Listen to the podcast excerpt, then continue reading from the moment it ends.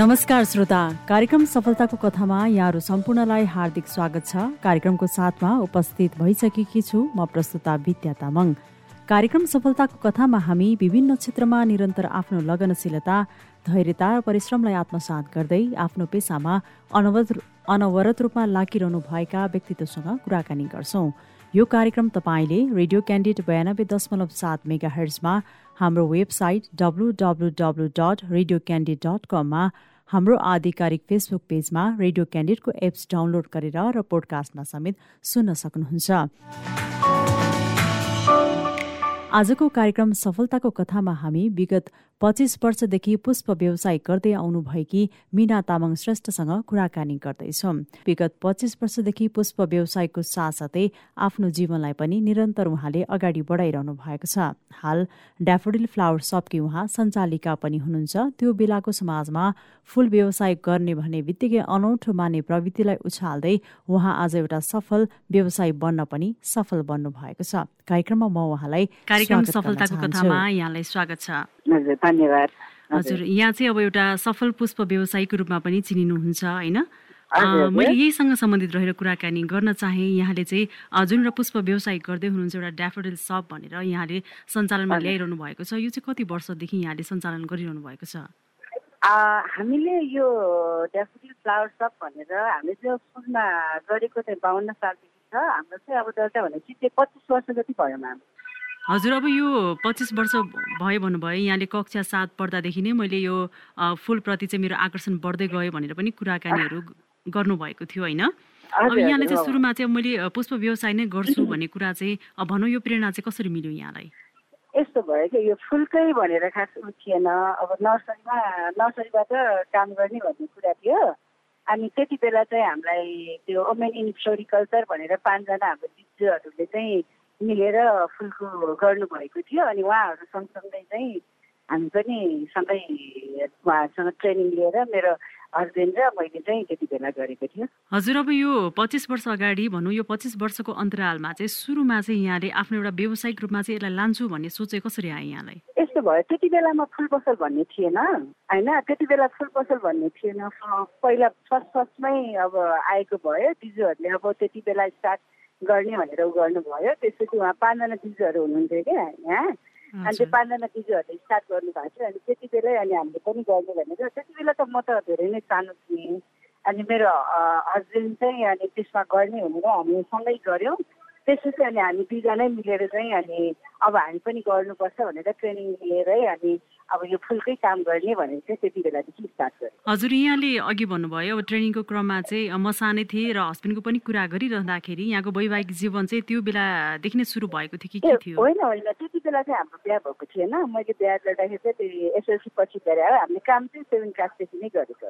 हजुर अब यसरी त्यो बेलामा त अब पक्कै पनि फुल भनेपछि त अब हाम्रो एउटा प्राकृतिक रूपमै पाइने कुरा भएर अझ नेपालमा त त्यति धेरै यसको प्राथमिकता थिएन होला होइन? थिएन। त्यति बेला फुल भन्ने नै चिनेकै थिएन कि मान्छेहरूले फुल पसल भन्ने बित्तिकै हामीलाई चाहिँ कि चाहिँ मन्दिरतिर जानुपर्ने कि चाहिँ अब त्यो त्यो हो कि हाँसको कुखुराको त्यस्तो फुल भन्ने नै थियो कि प्रायः जस्तो सबैले त्यही सोध्थ्यो मलाई क्वेसनहरू पनि त्यस्तै आउँथ्यो कि के काम गर्नुहुन्छ भन्दाखेरि म फुल पसल हो भन्दाखेरि त्यसरी सोध्नुहुन्थ्यो क्या कुन चाहिँ मन्दिरतिर कता के भनेर त्यसरी सोध्थ्यो कि हामीलाई त्यति बेला। अब अहिले चाहिँ त सबै फुल भनेपछि सबैतिर अब चले चले अहिले चाहिँ चल्न थाल्यो। त्यति बेला चाहिँ हुनै थिएन।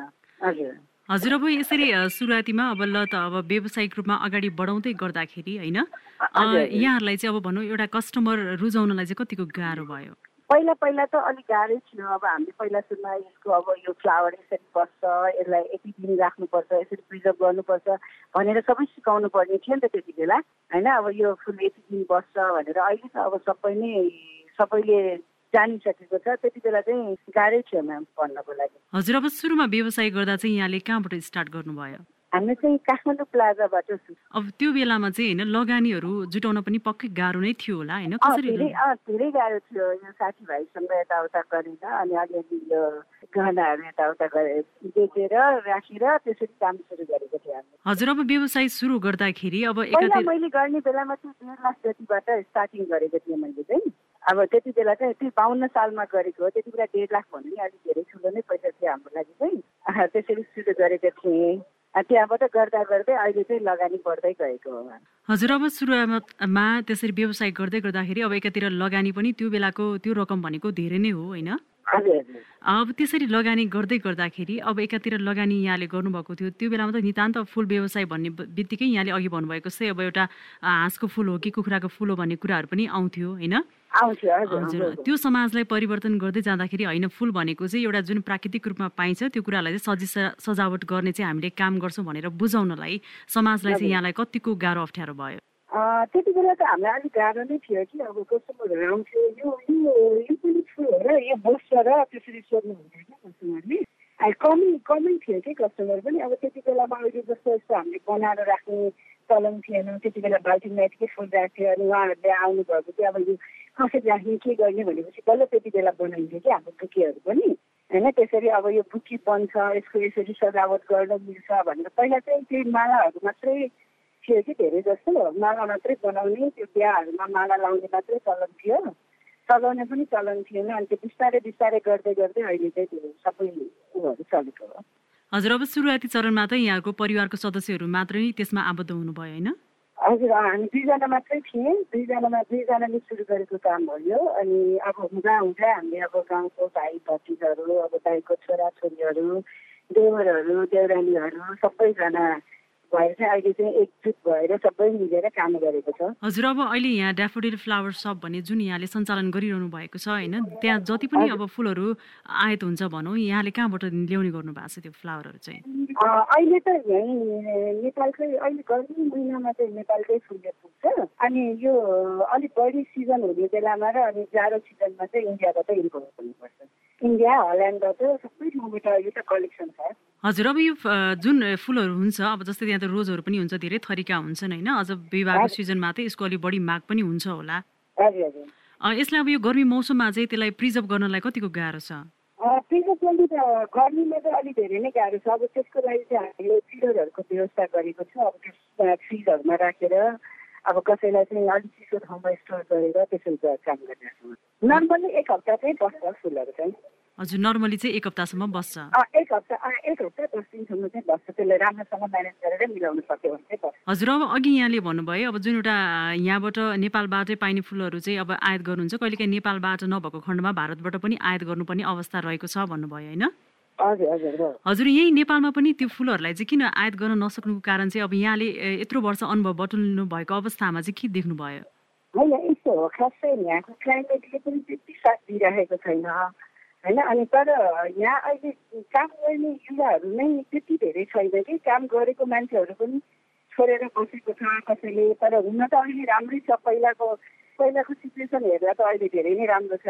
कामहरू छ फुलहरू उत्पादन अहिले भइ नै राखेको छ। तर पनि कमै छ। यहाँ जति मार्केटमा चाहिने हो पुऱ्याउन सकेको छैन कि। त्यही भएर बाहिरबाट आयात भइरहेको हजुर अब यहाँले सिजनलमा अब जुन फ्लावरहरू आफ्नो सपमा राख्नुहुन्छ कुन कुन फ्लावरहरू चाहिँ अभाइलेबल हुन्छ यहाँको सपमा? अहिले भएको त त्यही जर्बेरा कार्नेसन रोज हजुर अब अहिले त अलिकति जे भए पनि अब नेपाली कन्सेप्टमा पनि अब अलिकति सामाजिक रूपमा पनि परिवर्तन हुँदैछन् होइन? अब विभिन्न इभेन्टहरू हुँदै गर्दाखेरि फुलहरूको माग पनि धेरै भइरहेको हामीले पनि पाउँछौँ भने। अब यहाँले चाहिँ कुनै पनि फुलहरूलाई सजी सजावट गर्न चाहिँ होइन? न्यूनतम चाहिँ कति लिने गर्नु भएको छ? अब त्यो चाहिँ हजुर यस्तो छ। त्यो चाहिँ कस्टमरको अब कुन हिसाबले चाहिन्छ त्यो अनुसार कस्टमाइज गरेर पनि बनाइन्छ। नर्मल्ली चाहिँ बुकी भनेर अहिले चाहिँ त्यो फाइभ हन्ड्रेडदेखि माथिको चाहिँ बनाउने गरेको छ। हजुर अब कस्टमाइज गरेर अब दुई सय पचास चाहियो त्यसो भने पनि बनिन्छ नबन्ने त होइन होइन। तर वाउ भन्ने अलिक राम्रो तरिकाले चाहिँ त्यो फाइभ हन्ड्रेडबाट माथिको चाहिँ राम्रै हो। हजुर भने चाहिँ फाइभ हन्ड्रेडबाट माथिको चाहिँ बुकेहरू। फाइभ हन्ड्रेडबाट माथिको हजुर फाइभ हन्ड्रेडबाट माथिको चाहिँ बुकेहरू चाहिँ यस्तो गिफ्टहरू दिँदाखेरि अलि राम्रो खाले। अब एउटा फ्लावरकै चाहिँ अहिलेको अहिलेको सिचुएसनमा एउटा फ्लावरको चाहिँ चालिसदेखि पचास रुपियाँ अस्सी रुपियाँसम्म छ। अब लिलीहरूको हिसाब गर्नुभयो भने चाहिँ तिन सय रुपियाँ तिन सय पचास त्यस्तो पर्न जान्छ। त्यो अनुसार अब कस्टमाइज गरेर बनाउन सकिन्छ। कतिसम्मको कस्तो चाहिन्छ भनेर। हजुर अब यसरी यहाँले भन्नुभयो अब नर्मल प्राइस भनेकै अब फाइभ हन्ड्रेडभन्दा नर्मल प्राइस भनेकै फाइभ हन्ड्रेडभन्दा माथि छ भनेर भन्नुभयो। कहिलेकाहीँ चाहिँ ग्राहकहरूले चाहिँ यो अलिकति नेपालको कन्टेस्टमा चाहिँ अलिकति महँगो छ भन्ने जस्तो केही कुराहरू चाहिँ गुनासोहरू सुन्नु भएको छ कि छैन यहाँले? होइन अब त्यो हुन्छ त्यो भयो भने हामीले कस्टमाइज गरेर बनाउने नि त। अलिक कम फ्लावर हालेर होइन अब त्यो अनुसार बनाउनु पर्छ अब सस्तो सस्तो फुल हालेर बनायो भने त्यो प्राइस त कम हुनु गइहाल्छ नि। हजुर अब यहाँले यसरी व्यवसाय गरिरहँदाखेरि होइन जुन एउटा अन्तरालमा चाहिँ अब यहाँसम्म अहिले आइपुग्नु भएको छ होइन बिस पच्चिस वर्षको एउटै पेसामा अनुभव गरिरहनु हुँदाखेरि चाहिँ जुन एउटा चुनौतीहरू पनि देख्नुभयो होला पक्कै पनि होइन आजको यो अवस्थामा। हजुर। आजको यो अवस्थामा आइपुग्दाखेरि त्यो बेलामा एउटा स्टार्ट गर्ने र त्यो बिचको जर्नीमा चाहिँ कहिलेकाहीँ चाहिँ होइन मैले यो पेसा किन अँगालेछु भन्ने कुराहरू कहीँ कतै यहाँलाई चाहिँ लाग्यो कि लागेन त्यो बेलामा?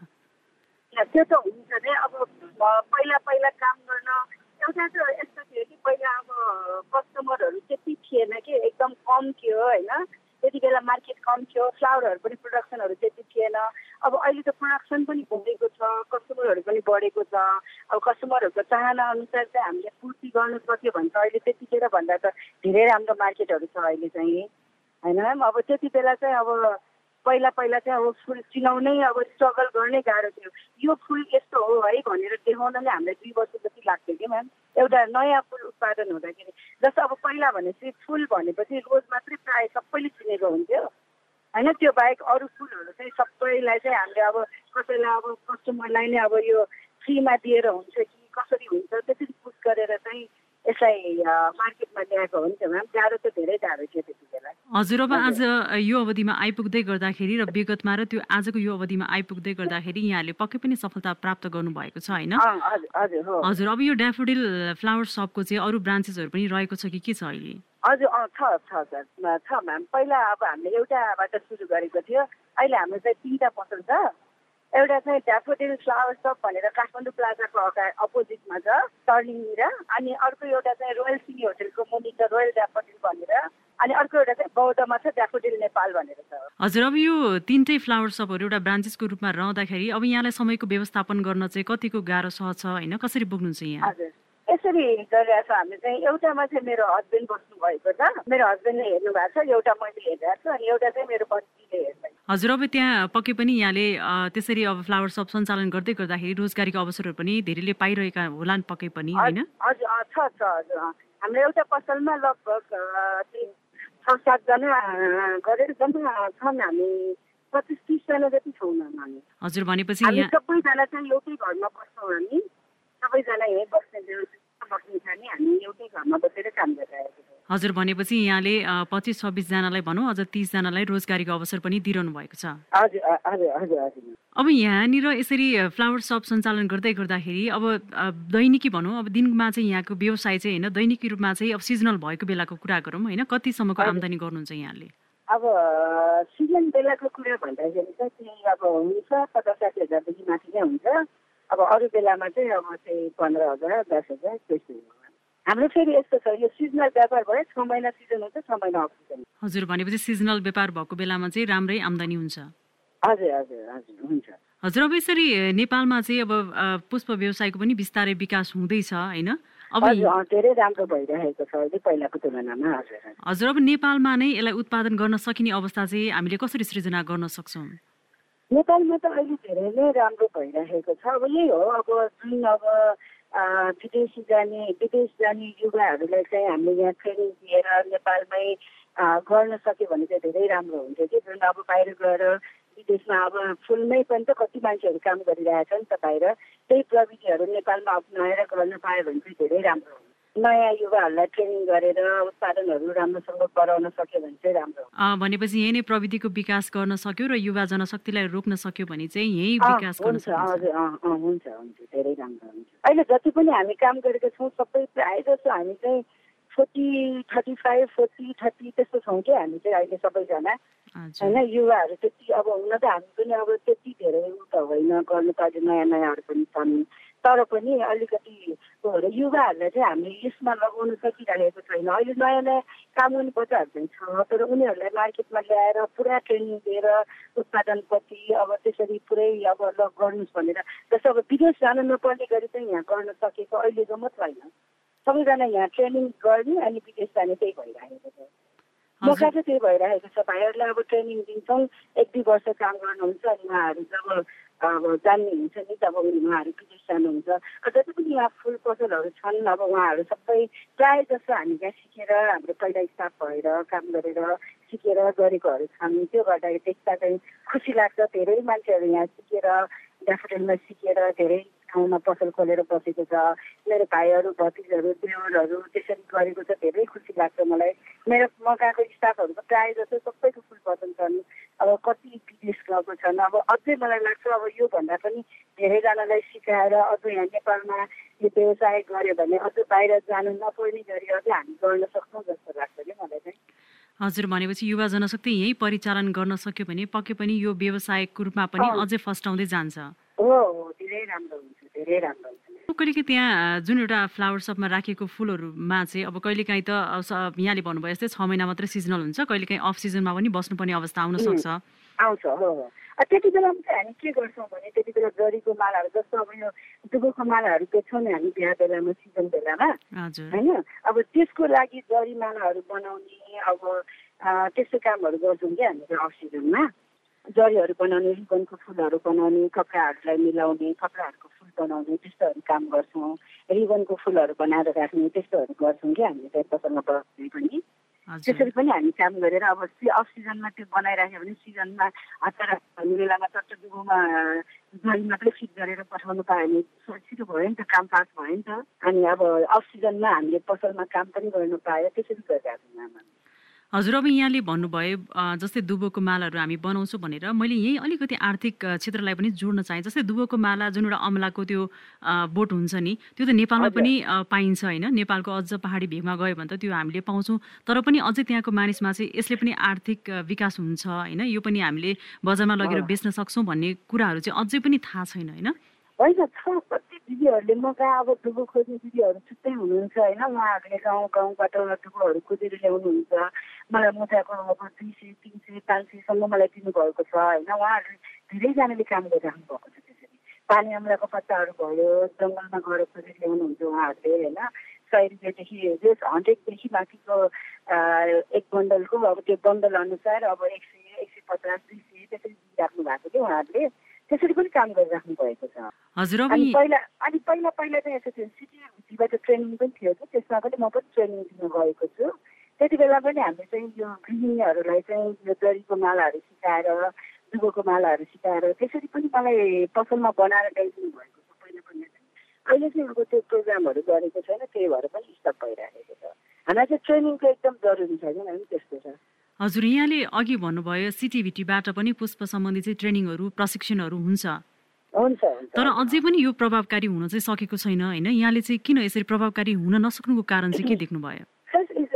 मान्छेले जरुरी चाहिँ म गर्छु म केही गर्छु भनेर आएकोहरूले गर्नुभएको छ। त्यो सिटिभिटीमा ट्रेनिङ दिएकोहरू पनि मैले धेरैजनालाई दिएकोमा उहाँहरूले पन्ध्र बिसजनाले चाहिँ काम गरिराख्नु भएको छ अहिले पनि। जस्तो दुबोको मालाहरू बनाएर मलाई अहिले पनि दिइराख्नु भएको छ उहाँहरूले। उहाँ घरमा बस्नुहुन्छ तर दुःख खोजेर माला बनाएर मलाई मालै दिनुहुन्छ। त्यसरी पनि काम गरिराख्नु भएकोहरू छ उहाँहरूले। अब नगर्नेहरूलाई चाहिँ अब हामीले अब सिकाएर यस्तै हो भनेर बस्नेहरू पनि छ नि त त्यस्तो भयो भने चाहिँ अब स्टपै भयो नत्र त काम त गरिराख्नु भयो। हजुर अब नेपालको परिप्रेक्ष्यमा आजको यो अवस्थामा चाहिँ पुष्प व्यवसाय गरेर एउटा आत्मनिर्भर आत्मनिर्भर बन्न सक्ने अवस्था छ कि छैन? यहाँको अनुभवमा चाहिँ के छ? एकदमै छ एकदमै छ। हामीले काम गऱ्यो भने के चाहिँ के चाहिँ नराम्रो हुन्छ र सबै कुरा हुन्छ?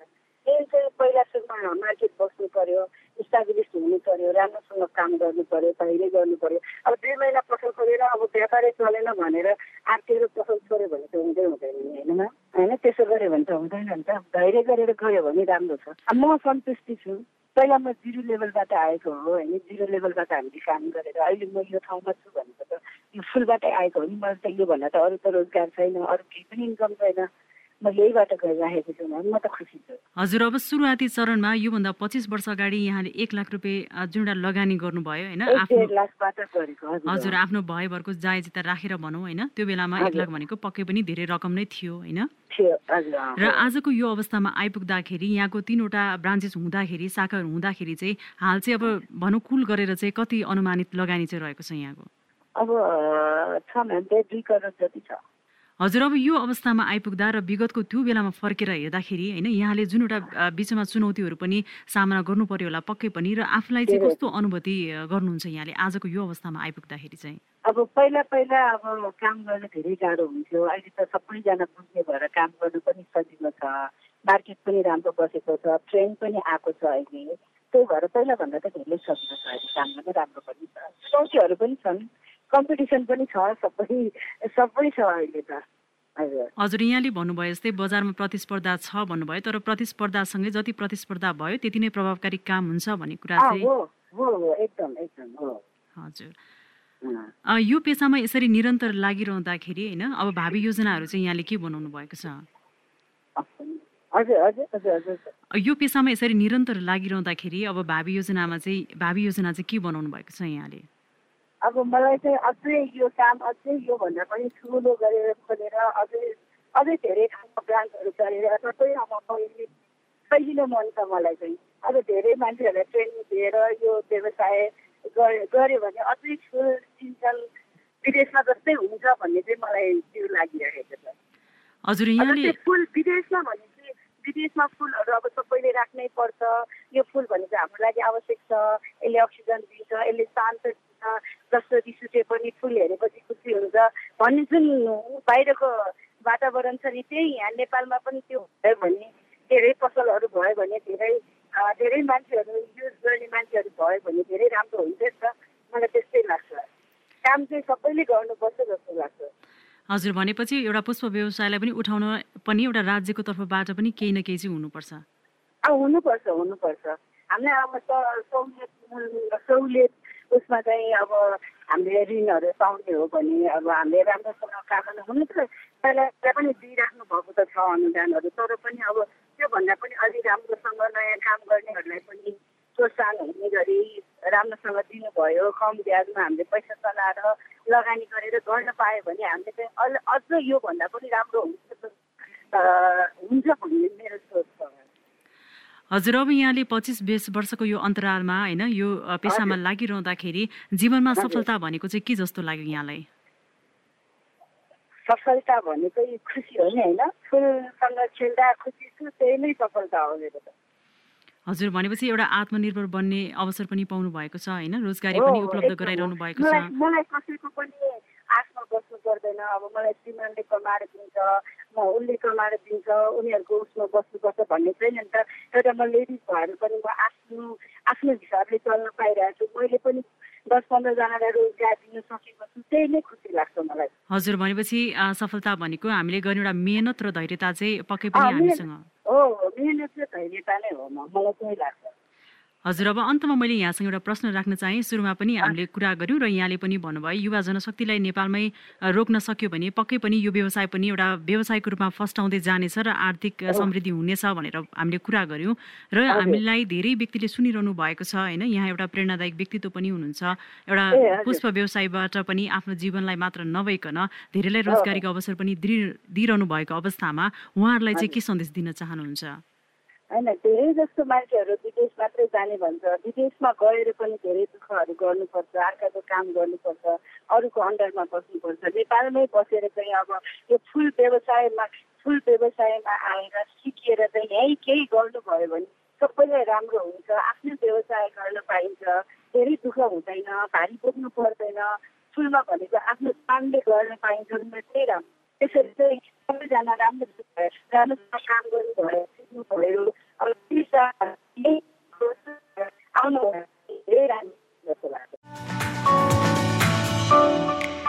आजको कार्यक्रम सफलताको कथामा हामीले विगत पच्चिस वर्षदेखि पुष्प व्यवसाय गर्दै आउनुभएकी मिना तामाङ श्रेष्ठसँग कुराकानी गर्यौं। पक्कै पनि कार्यक्रम सुनेपछि तपाईँ सम्पूर्णलाई प्रेरणा मिल्यो होला भन्दै कार्यक्रमको साथबाट प्राविधिक मित्र गणेश श्रेष्ठसँगै म कार्यक्रम प्रस्तुता विद्या तामाङ पनि विदा हुन्छु। नमस्कार।